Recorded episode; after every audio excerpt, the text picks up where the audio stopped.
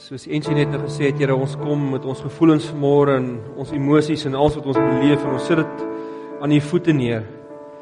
En ons aanbid U, Here, want waar mense gevoelens neersit of waar mense binnekant soms toksies kan wees en mense begin dit om te aanbid, dan verdwyn daai toksisiteit of daai donkerte verdwyn soms net soos 'n mis voor die son. Julle miskien is daar van ons wat wat wat, wat blywende gevoelens het van onrustigheid en van onvrede. Here, dankie dat U ons in elk geval ontmoet waar ons is en dat U groter is as enige van daai. Dankie vir ons wat vanoggend blydskap voel en wat en wat bly is dat ons hier is en wat ons en uh wat bly is dat dit vakansie is. Dis 'n bietjie van 'n blaaskans kan hê. Ander vir ons wat met aanhou werk. Dankie Here dat U ons ontmoet waar ons is. Help ons en lei ons om U steeds voortdurend die sentrum te maak van ons lewens. In Jesus se naam vra ons dit alles en almal antwoord saam. Amen. Dankie julle. Ehm um, maak nie saak hoe skerp of hoe intelligent of hoe streetwise iemand is nie. Ehm um, ons as mense is geweldig kwesbaar tot misleiding. Anderswoorde om onsself te mislei en toe te laat ander mense ons mislei. Dis hoekom ons die sang net nou gesing het, uh, word of mouth. Dis nie omdat ons probeer cool wees nie. Ons glo die Here is teenwoordig in hierdie wêreld en hy praat met ons deur allerlei soorte dinge. Ook liedere. En dis waaroor word of mouth gegaan het net nou is wat wat wat baie mechanics doen oor jy weet ehm um, wees baie versigtig dat jy sommer net aanvaar wat mense sê. You may just be towing the party line. Jy, jy mag dalk sommer net sê wat almal dink, maar maar is dit regtig reël wat jy regtig dink? O, en en dit sê vir ons, die sang sê vir ons iets van die moontlikheid dat mense so maklik mislei kan word.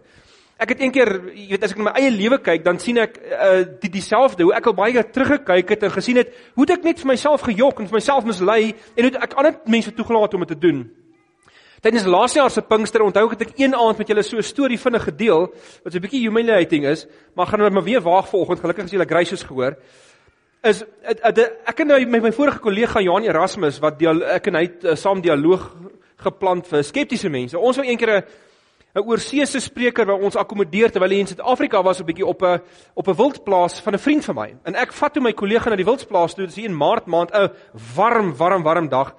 En ek en hy gaan toe alleen hier 'n week net om te gaan kyk hoe die uh, net om te wys hoe die plek nou lyk, jy weet, en hoe kan ons hierdie ou uh dis nou John Lennox gewees destyds, hoe kan ons hom hierso akkommodeer? En as jy net vir die sonsak die aand, die idee was om sommer net gou-gou die aand daar te kom, so net vir die sonsak daar oor te slaap en dan die volgende oggend weer terug te gaan.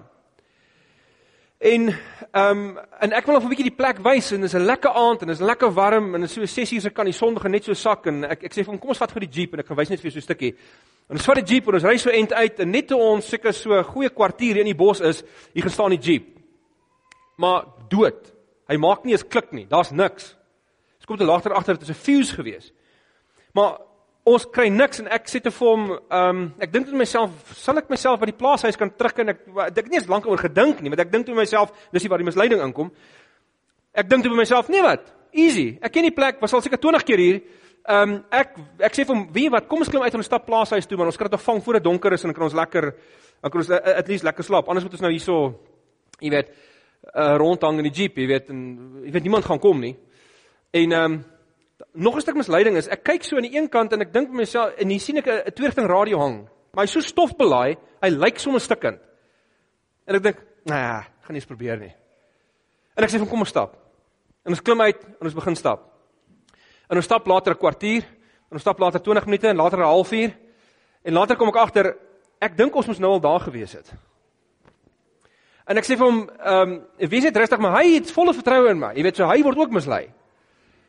En hy krak die een joke na die ander, die lewe is te snaaks. Jy weet, hierdie is hierdie hierdie ons het 'n lekker 'n lekker storie om te vertel as ons terugkom by die huis. Hierdie dis nou weird, want Rolf, jy weet, die jeep het gaan staan en alles.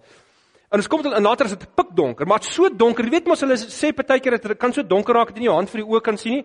Nou ek kan nie onthou of ek my hand vir my oë kon sien nie, maar ek ek kon nie enigiets anders sien nie.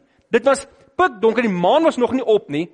Ehm um, en ons het so op die paadjies gestap en ons het agtergekom ons is ons is van die paadjies af wanneer jy tone begin stamp teen klippe en graspolle en dan kom jy agter oor jy weet voel net gou waar is die paadjie?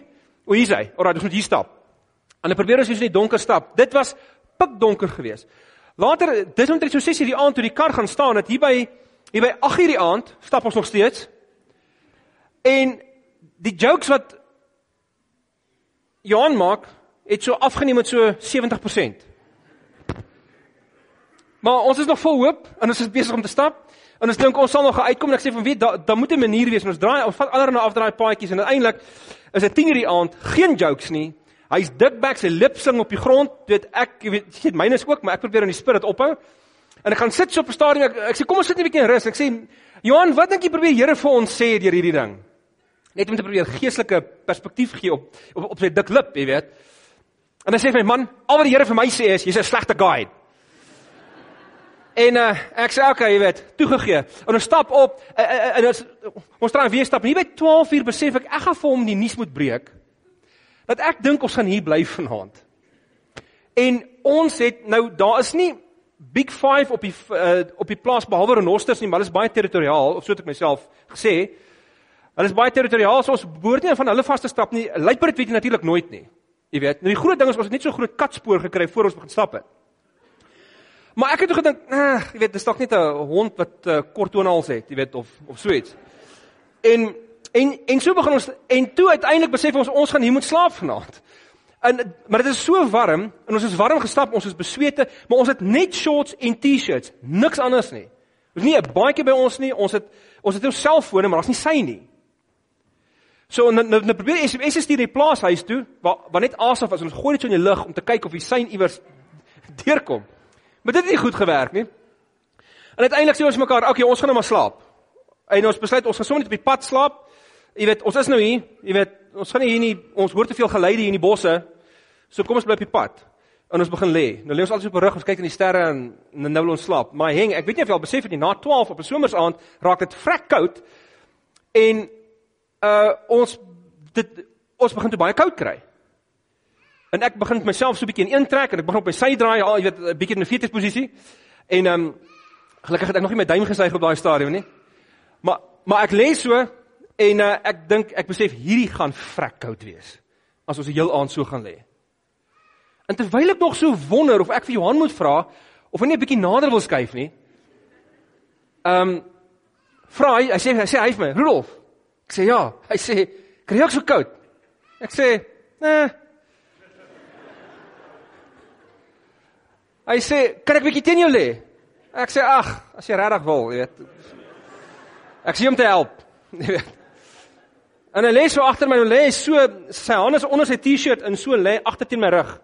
Lê ons nou lepel. En uh maar maar nou kry hy nog nie al my liggaam sit en iemand sy arms is af van die pad en sê vir my, "Rolf, ja. Kan ek my hand om jou sit?" Nou ek het so al gehoop hy vra dit, maar ek wou dit nie self sê nie. En uiteindelik lê ons so en ons lê so half lepel en en en tot so 2 se kant toe kry ons te koud, toe staan ons op en ons begin weer loop en toe by by half 4 se kant toe probeer, probeer, probeer ons weer slaap en toe so 5 uur begin die lig opkom en toe erken ek die plek en ek, en ek vat ons toe tot by die jeep. En ehm um,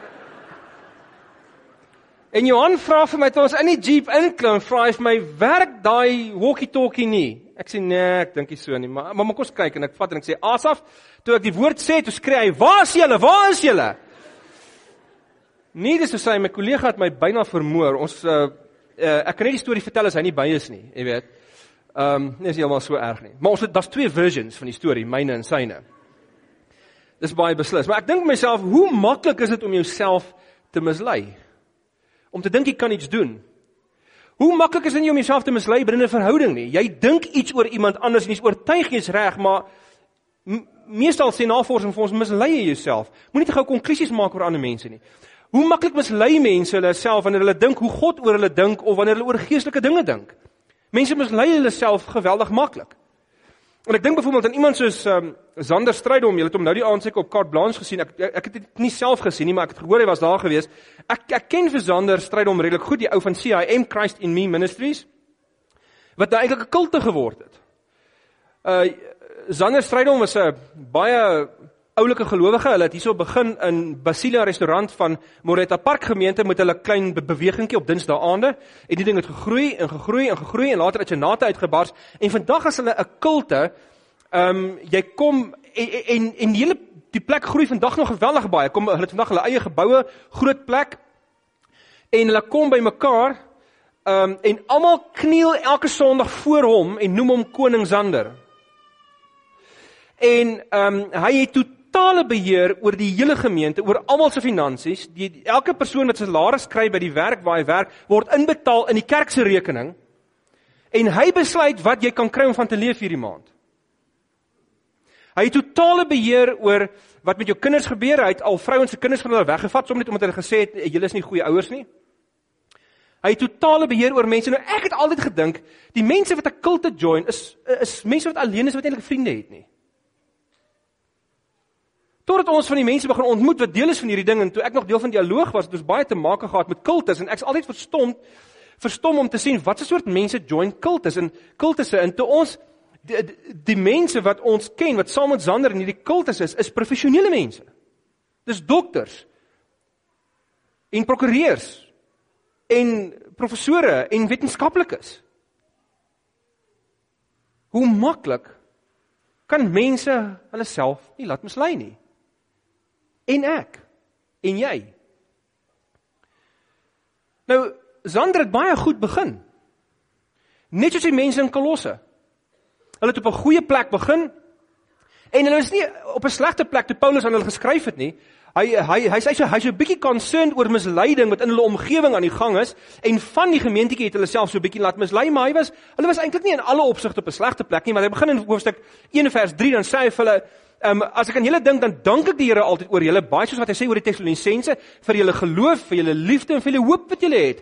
Julle is 'n goeie gemeente, julle doen goeie goed. Maar hy skryf hierdie brief aan Kolosse om hulle om seker te maak dat hulle hou by die regte pad en hulle maak seker dat die misleiding wat daar in die omgewing aan die gang is, hulle nie te veel vertroebel nie en dat hulle die pad kan stap wat hulle veronderstel is om te stap. So in daai omgewing was daar dwaalleraars geweest, mense wat interessante goed verkondig het, mense wat gesê het, weet jy, dis goed om Jesus te ken, maar maar jy moet nog dinge by Jesus doen. En miskien moet ons so 'n bietjie tree terugvat daai Christelike siening of die die die die Christelik gedoopte siening van hierdie dwaalleraars het eintlik begin by hele male heidense stuk godsdiens. Die heidene in daai omgewing het het 'n eh, baie van hulle het geglo daar's 'n goeie God en 'n slegte God. En die goeie God het al die geestelike dinge gemaak, soos jou siel, en um om hom te connect en al die metafisiese goed is deur die nie metafisies nie die nie fisiese dinge is deur die is deur die goeie God gemaak. So om met hom te connect moet jy die geestelike goed doen soos bid en en en connect en drome visioene sien en allerlei goeters, maar die slegte God het al die materiële dinge gemaak, soos my liggaam en die wêreld, die sigbare en voelbare wêreld. Nou kom van daai mense tot geloof Maar hulle is nog steeds so 'n bietjie nie lekker nie. Hulle begin in Jesus glo, maar maar daai selfe dualisme waarna hulle geleef het word ingedra in hulle geloof en hulle sien nog steeds die wêreld as geestelik en sekulêr en hulle sien nog steeds die geestelike praktyke soos gebed en visioene sien en as waarlik geestelik en ander dinge soos om om uh, met jou vrou te connect en verhoudings te hê en intiem te wees en te gaan werk is als eintlik dinge van hierdie lewe wat jy moet verdra, maar is nie eintlik regtig so belangrik nie. En daar's baie van hierdie dinge vandag nog of, of wat rondloop in ons samelewing selfs onder gelowige mense. So met dit alles begin Paulus en hy begin sy brief skryf en hy hy het vier hoofstukke in Kolossense. Ons gaan die volgende 4 weke vandag en die volgende 3 weke na hierdie ongelooflike boek kyk. En ons gaan nie net topics daar uithaal nie, ons gaan die die sentrum van hierdie boek hanteer. So vanoggend kyk ons net na Kolossense 1. Ek het klaar vir julle gesê hoe begin Paulus. Hy begin deur hulle te bedank vir hulle uh, God te dank vir hulle oor hulle geloof, hoop en liefde. Hy sê vir hulle die evangelie is goed onder hulle gevestig. Hy praat oor hulle redding in hoofstuk 1 wat hulle van Christus gekry het en dan praat hy in hoofstuk 1 gee hy vir hulle in 6 verse die hart van hoofstuk 1 wat ook die hart en fondament van die res van die boek is. Wat doen jy om misleiding teen te staan? Wat doen jy om die waarheid te ken? Om seker te maak dit wat jy dink en glo en verstaan is reg. Wat doen jy? Wat is die eerste stap en dis wat hy vir hulle gee. In hierdie eerste hoofstuk, hy hanteer natuurlik alles reg deur die ehm um, res van die Kolossense brief gaan hy baie baie prakties in, maar in hoofstuk 1 gee hy die filosofiese onderbou van wat iemand moet doen wat op soek is na waarheid. En hy gee dit vir hulle in 6 verse. Maar hierdie 6 verse is nie 'n gewone taal geskryf nie. Dis eintlik 'n lied wat die vroeë kerk gesing het. En ons weet nie of Paulus dit self geskryf het nie en of hy dit opgetel het by die kerk en wat geskryf is deur ander mense nie, maar dit is hoe die lied se woorde gaan. Daar staan die seun, dis Jesus, is die beeld van God wat self nie gesien kan word nie. Die seun is die eerste verhewe oor die hele skepping, skepping wat materieel is, né? God het deur hom alles geskep wat in die hemel, dan oor die geestelike dinge en op aarde, die materiële en sigbare dinge is. Alles wat gesien kan word en alles wat nie gesien kan word nie. Konings, heersers, maghebbers, gesagvoerders, alles is deur hom en vir hom geskep. Dan word hy hy hy put vir persoonlike behaag uit alles wat geskep is, die sigbare en die onsigbare. Voor alles was hy alreeds daar. Deur hom het hou hy alles in stand. Hy is die hoof van die liggaam van die kerk. Hy is die oorsprong daarvan. Hy is die eerste, die een wat uit die dood opgestaan het totdat hy die eerste sodat hy die eerste plek in die heelal inneem. God het besluit om met sy volle wese in hom te woon en deur hom alles met homself te versoen. Deur die bloed van sy seun aan die kruis het hy die vrede herstel. Deur hom het hy alles op die aarde en in die hemel met homself versoen. Net net, net hierdie 6 verse. En wat interessant is wat wat Paulus uitwys in hierdie ding, as jy kyk hoe ek hierdie woordjie panta, dis in Grieks panta vir die woordjie vir alles voorkom, dan sien jy hy kom in hierdie 6 verse kom hy 8 keer voor. So Paulus probeer alles omvattend praat. Hy sê Christus sluit alles in. Hy is die oorsprong en die onderhouer van alles wat sigbaar is en onsigbaar is, van alles wat bestaan. Nou in daai dae het die filosowe altyd probeer, um, ons is nog nie daar nie, uh, jy kom nog lank uh, daarso hoor. Het hy het hulle alles probeer verklaar deur in terme van teenpole te praat. Watter omvattende verhaal, watter stelsel van denke of watter filosofie omvat die goed, die goeie en die slegte, die ehm um, die lig en die duisternis, die lewe en die dood en en die stelsel wat die beste sin gemaak het van al hierdie goed was die beste filosofie. En daarom word daar hier gepraat van eh, van van ehm um, alles wat gesien kan word, alles wat nie gesien kan word en so meer. En wat Paulus hier sê is hy sê die eerste stap as jy wil weet wat real is is jy plaas Christus Jy moet weet Christus is die sentrum van realiteit. Hy is die sentrum van realiteit. Nou hoe het Paulus gekom dat hy dit geglo het? Want dit was nie altyd so nie. Nou, hier's 'n belangrike ding om te glo, want wat Paulus hier doen is, hy probeer in hierdie eerste hoofstuk vir mense sê, alle mense het brille wat deur hulle na die wêreld kyk. Jy kry allerlei soorte brille wat jy kan opsit. En as jy hierdie opsit, dan ja, jy is baie donker nou. Alraight? Selfe groep mense wat net wat ek net duidelik kon sien, die realiteit het nie verander nie. Maar hoe julle vir my lyk het nou verander. Hoekom? Want ek het ander lense op my oë gesit.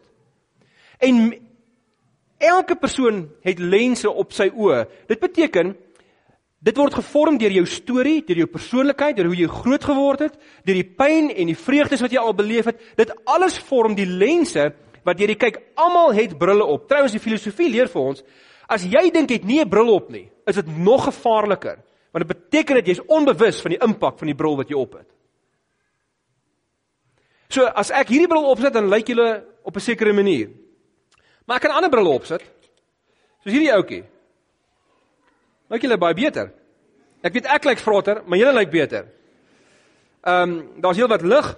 Selfe gehoor as ek net nou opgehaat het met die ander bril, maar julle lyk nou vir my anders want ek het 'n ander bril op. Selfe realiteit. Ek verstom my altyd vir wetenskaplikes. Of enigiemand wat dit, maar ek vat hom as net wetenskaplikes as 'n voorbeeld. Twee wetenskaplikes, hulle is albei microbioloë, hulle swat in dieselfde area doen navorsing op dieselfde terrein en die een is radikaal gelowig en die een radikaal ateïsties. Wat maak die verskil? Albei sê vir hulle, die een sê dis my dit is my wetenskap wat my lei tot ateïsme en die ander een sê nee, dis my wetenskap wat my lei tot geloof. So wat maak die verskil? Dis die bril wat jy op het nog voor jy begin wetenskap beoefen. So jy kan allerlei brille opsit en die reality lyk vir jou anders. En as ander mense, oeps, vir wie hulle hulle eie land is vir hulle geweldig belangrik. Party van hulle sê jy weet Nou hier lyk julle sulke ja, julle lyk nie goed van hier af nie. Nie met hierdie ouetjie op nie. Julle lyk anders, nie omdat julle verander het nie. Ek het verander. Ek het 'n ander bril opgesit. En die lewe wys vir ons dat jy interpreteer die lewe in die hand van die bril wat jy op jou gesig sit en dit is wat Paulus probeer sê. Hy probeer vir hulle sê die bril wat jy moet opsit om die om sin te maak van die wêreld is die opgestane lewende Christus. Ons het uh, op ons infusion naweek en hierdie is is deel van ons gemeente se groeiplan, ons geestelike groeiplan vir elke lidmaat. Ek gaan nou so 'n stukkie vir julle wys. Ons uh, sidekicks sit hierdie kant vanoggend, gaan nou vir julle wys. Ehm um, as hierdie jou lewe is Daar's hy. As hierdie jou lewe is, is hy in vier gedeel hierso. Ons het die wortelstelsel, ons het die ons het die stam van die boom en ons het die beliefs wat baie waar is en dit is die vrugte, die handelinge, die praktiese dinge wat jy doen hier bo in jou lewe. Nou Paulus probeer sê as hy praat van jy met 'n ander bril op, so 'n ander manier om dit te sê is jy moet die regte wortelstelsel hê. Want alles in die boom is afhanklik van die wortelstelsel. Wat is soort voedsel jy gaan kry na jou vrugte toe, na jou takke toe, wat se vloeistof jy gaan inkry, alles is afhanklik van die wortelstelsel hierso. So die vraag wat daar staan by die wortelstelsel is, wat is reël? Want die wortelstelsel sê vir jou wat jou siening van ultimate realiteit is. Ultimate reality. Want dit bepaal hoe jy dinge waarneem. Dit bepaal hoe jy dinge sien. Nou baie mense se wortelstelsel of die bril wat hulle opsit, is hulle is letterlik hulle eie persoonlikheid, hulle hulle eie mensies, hulle stel hulle self in die sentrum. Die Grieke het dit gedoen in Jesus se tyd um eintlik al 5 eeue voor Christus, het die Grieke besluit die mens se rede is die wortelstelsel van die lewe. Die mens se redelikheid is die bril wat jy moet opsit. As jy dit opsit, dan kyk jy na die wêreld op 'n goeie plek. Jy moet oral redelik wees. Hulle was godsdienstig, maar hulle godsdienst was nie regtig 'n ding wat hulle hulle godsdienste was dit die mekaar. Die Grieke en die Romeine se gode, ek weet nie of julle al van die goed gelees het nie. Dis uh, jy kan nooit agterkom wat hulle regtig glo en dink nie. Want dit soveel gode, soveel mense, soveel dinge, soveel idees. Die godedom was vir hulle 'n misterie. So hulle het grootendeels net offers gebring om die gode happy te hou, dat die gode hulle nie uitwis nie, maar verder het hulle geleef vanuit hulle self. Die Romeine het 'n ander wortelstelsel gehad. Of 'n ander bril waardeur hulle gekyk het. Hulle het gekyk deur die Romeinse wet nie, nie die wet soos godsdienstig soos die Jode nie. Die regswet was vir hulle die wortelstelsel. Die hart van die realiteit. Hulle het alles beoordeel vanuit die wet. Hulle het die wet so goed bestuur dat ons vandag nog Hollands-Romeinse reg gebruik. As jy gaan swat as 'n prokureur, die van julle wat is of weet, sal weet jy jy swat vandag nog Hollands-Romeinse reg, want hulle reg was so goed aan mekaar gesit. Paulus sê jy moet versigtig wees wat die bril is wat hier in die wêreld kyk. Want hierdie is wat met hom gebeur het.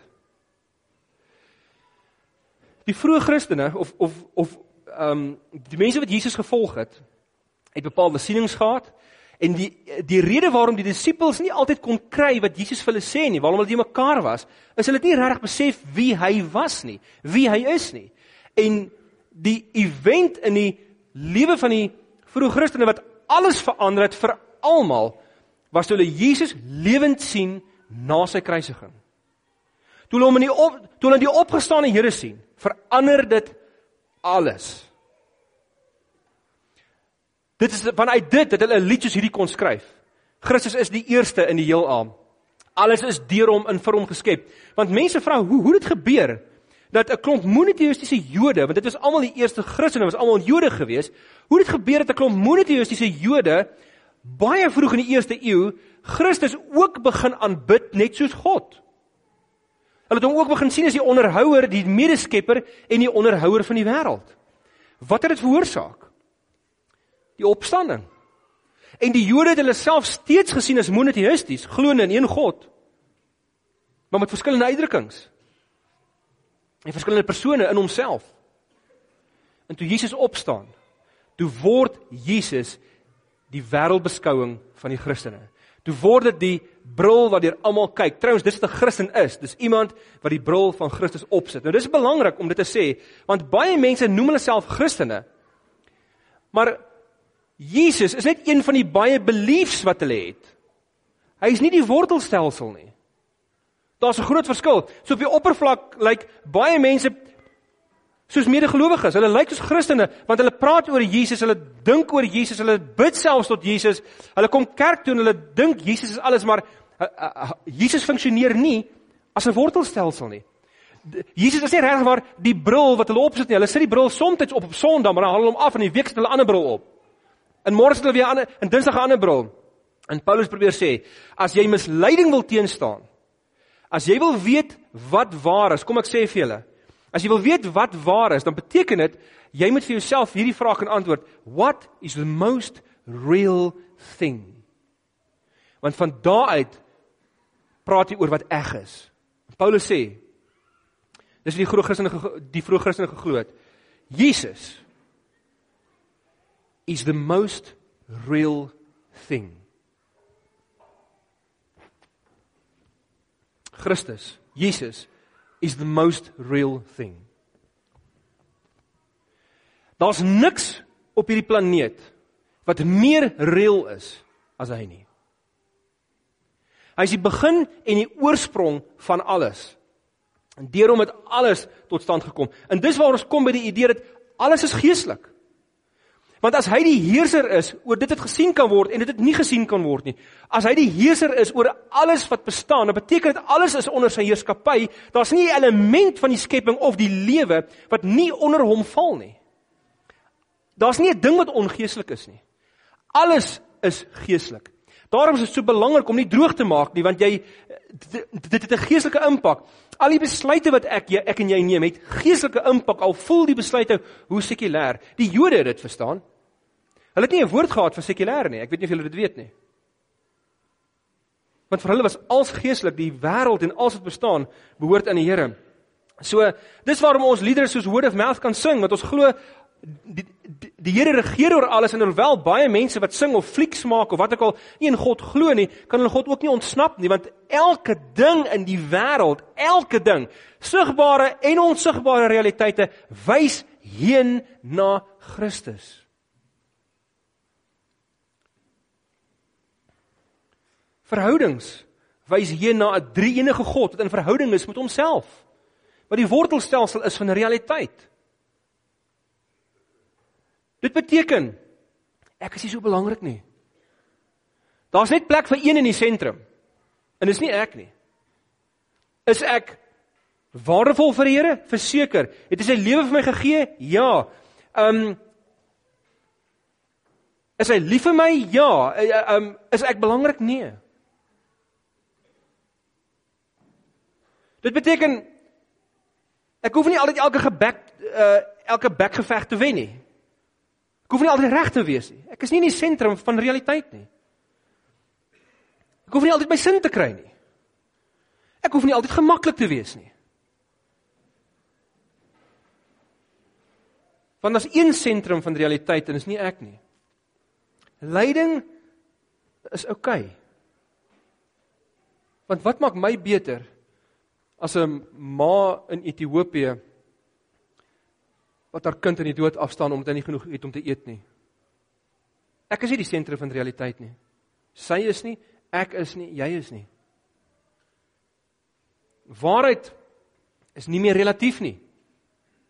Het die opstanding van Jesus vir die mense gesê, Christus is nou die waarheid. Hy is die hy is die sentrum van alles en hy is die een wat uiteindelik aan die einde van alles gaan hy alles met homself versoen. Hier sit dan dit so mooi, die woordjie alles wat 8 keer voorkom in daai 6 versies.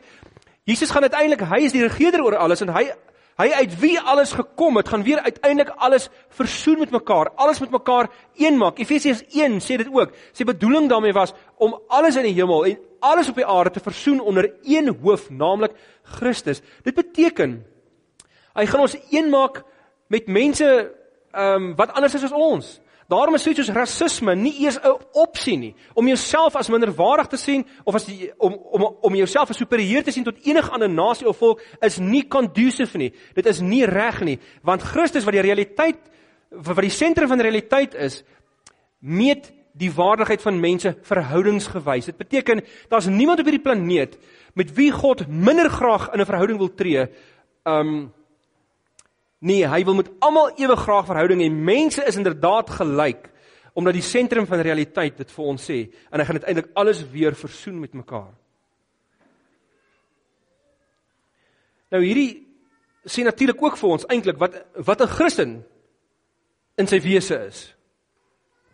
As jy moet sê waar gaan Christendom? Nou elke boek van die Bybel sê dit in 'n ander taal, maar hulle sê gewoonlik presies dieselfde ding in die taal van Kolossense. So 'n Christen, 'n Jesusvolgeling is dis iemand wat wat wat doen? Wat sou jou antwoord wees?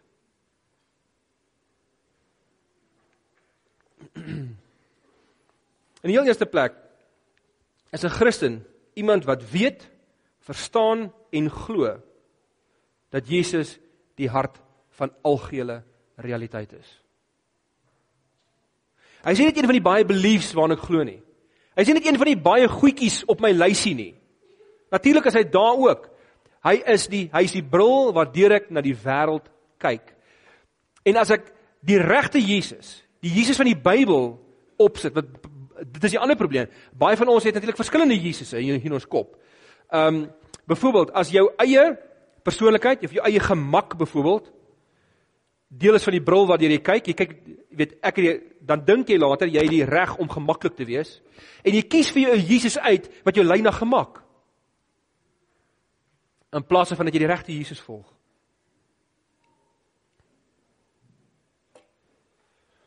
So 'n gelowige is iemand wat weet, verstaan en glo dat Jesus die algemene die, uh, die hart van algehele uh, realiteit is. Maar daar's 'n tweede ding. 'n Christen is iemand wat glo dat Jesus die sentrum van sy of haar eie bestaan um is deur persoonlike keuse. Met ander woorde 'n gelowige is nie net iemand wat glo dat Jesus die algehele realiteit is nie. Dis iemand wat 'n doelbewuste besluit neem dat aangesien Christus die hart van die realiteit is, maak dit net sin dat ek leef asof hy die hart van my realiteit ook is asof hy die sentrum van my lewe ook is.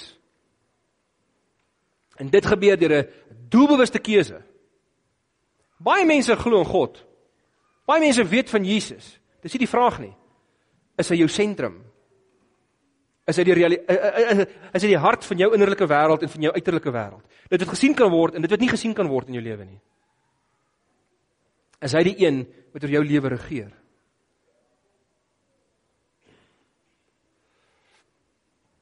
'n derde ding is 'n Christen is dan wat eh, eh, is iemand wat van Jesus alleen vergifnis vra van sonde. Hoekom van Jesus alleen?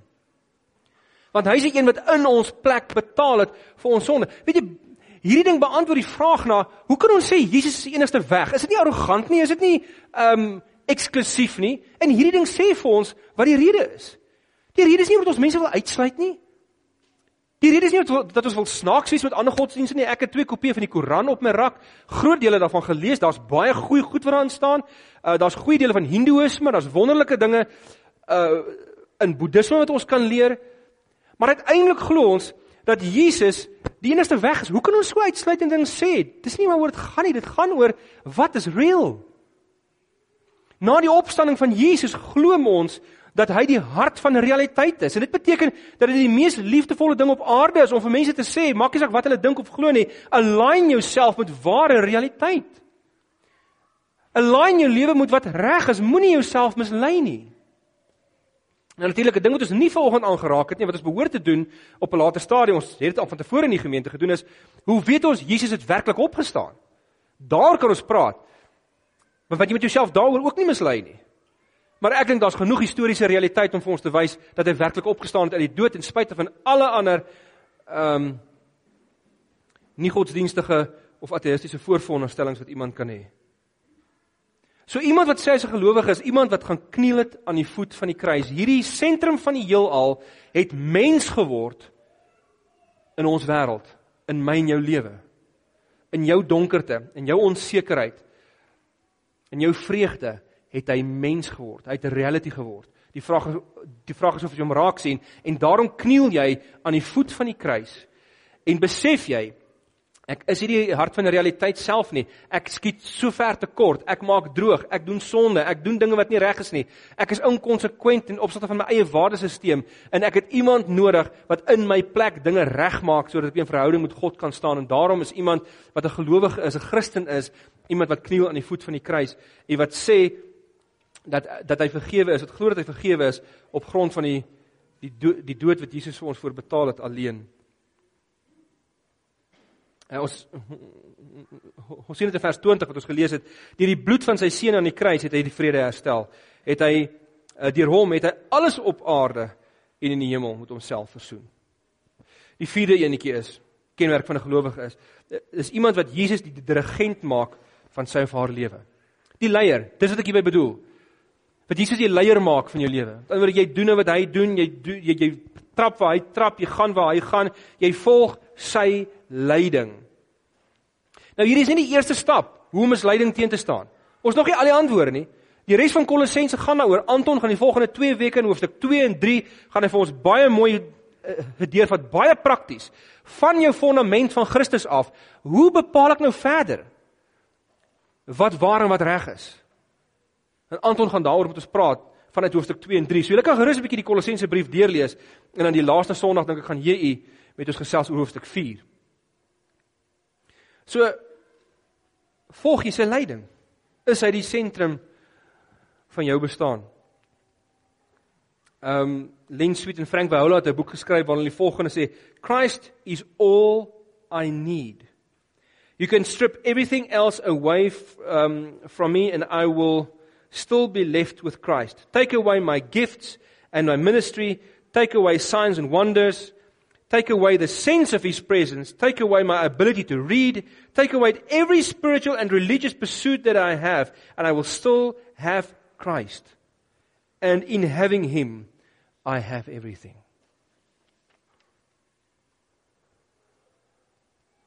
Laaste enetjie. 'n Christen is iemand wat met 'n lewens Christus melodieë sing van geloof, hoop en liefde. En dit bring ons by 'n baie baie belangrike ding. Want hierdie hierdie 6 verse wat ek vir julle gegee het, soos ek net gesê het, is 'n lied. Dis 'n song. En hierdie is die hierdie is die wonderlike ding. Uh, ek onthou toe ons toe ek die fliek Contact gekyk het. Wie wie het die fliek Contact gesien? Kan ek gesien? As ek klomp van julle baie baie oulike fliek. En in hierdie fliek, nou die hele ding gaan oor ehm um, ehm um, Die konteks staan vir kontak met buiteruimtelike wesens. Is daar is daar buiteruimtelike wesens of is daar nie? En dis die hele vraag en die fliek beantwoord nie regtig maar die die vraag heeltemal nie, maar wat uiteindelik gebeur is, hulle beleef kontak van van buite af, van van buite die aarde af en toe is die groot fight wie gaan op die space shuttle klim om hierdie hemelwesens tegemoet te gaan? Moet dit moet dit wetenskaplike wees, jy weet of watter wetenskaplike gaan dit wees en uiteindelik besluit hulle ook dat die vrou wat jy Jodie Foster gespeel word na baie politiek en goed, sy is die een wat die eerste kontak gemaak het, sy moet gaan. En uiteindelik klim sy in hierdie space shuttle en sy het 'n geweldige subjektiewe ervaring en in hierdie ervaring sien sy dele van die wêreld en die heelal, maar wat soos beeldskoon is, wat so mooi is, en op 'n stadium En sy het vreeslik sterk, sterk staat gemaak op die feit dat sy wetenskaplik is en sy is trots op hierdie wetenskaplikheid van haar en die feit dat sy sy net iemand van 'n rede is en uiteindelik toe sy van hierdie dinge in die heelal sien, een van hierdie groot sterrestelsels wat so besig is om te draai, wat asemrowend mooi is, sê sy in in 'n uh, totale oorgegewe bewondering sê sy they should have sent a poet. Vergeet die wetenskaplikes. Hulle moes 'n digter gestuur het want daar's dinge wat so waar, goed en mooi is dat woorde alleen nie reg doen daaraan nie. Jy moet dit sing. Jy het 'n digter nodig. En dis wat Paulus doen met met hierdie lied. Hy sê Christus is so asemrowend. Jy kan nie net oor hom praat nie, jy moet hom sing. En daarom is 'n gelowige iemand met 'n lied in hulle hart. En nie net 'n lied in hulle hart, nie net iemand wat met jou mond sing nie, maar wat in die week met jou lewe hierdie melodie van geloof, hoop en liefde sing wat gewortel is in Christus as die sentrum van realiteit. Ek gaan net die laaste vers lees, Karlo, die heel laaste ene. Daarom sê Paulus wat ons betref, deur die werking van die Gees is dit ons hoop en verwagting dat deur ons dat deur te glo ons vrygespreek sal word. In Christus Jesus is dit nie van belang of jy besny is of nie. Al wat van belang is is geloof wat deur liefde tot dade oorgaan. En Paulus sê aan die einde van Kolossense 1 sê hy daarvoor beywer ek myself. Waarvoor beywer jy jou?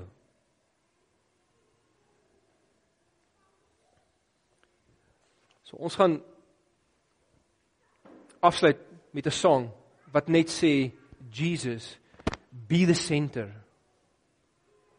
Hy is dit. Ons kan dit nie keer nie. Ons kan hom nie die sentrum maak nie. Hy is die sentrum van realiteit. Maar hierdie ding gaan oor Here word die sentrum van my realiteit. Word die sentrum van my lewe. Word die bril wat ek opsit. Ek kies dit nou, Here, deur 'n conscious keuse.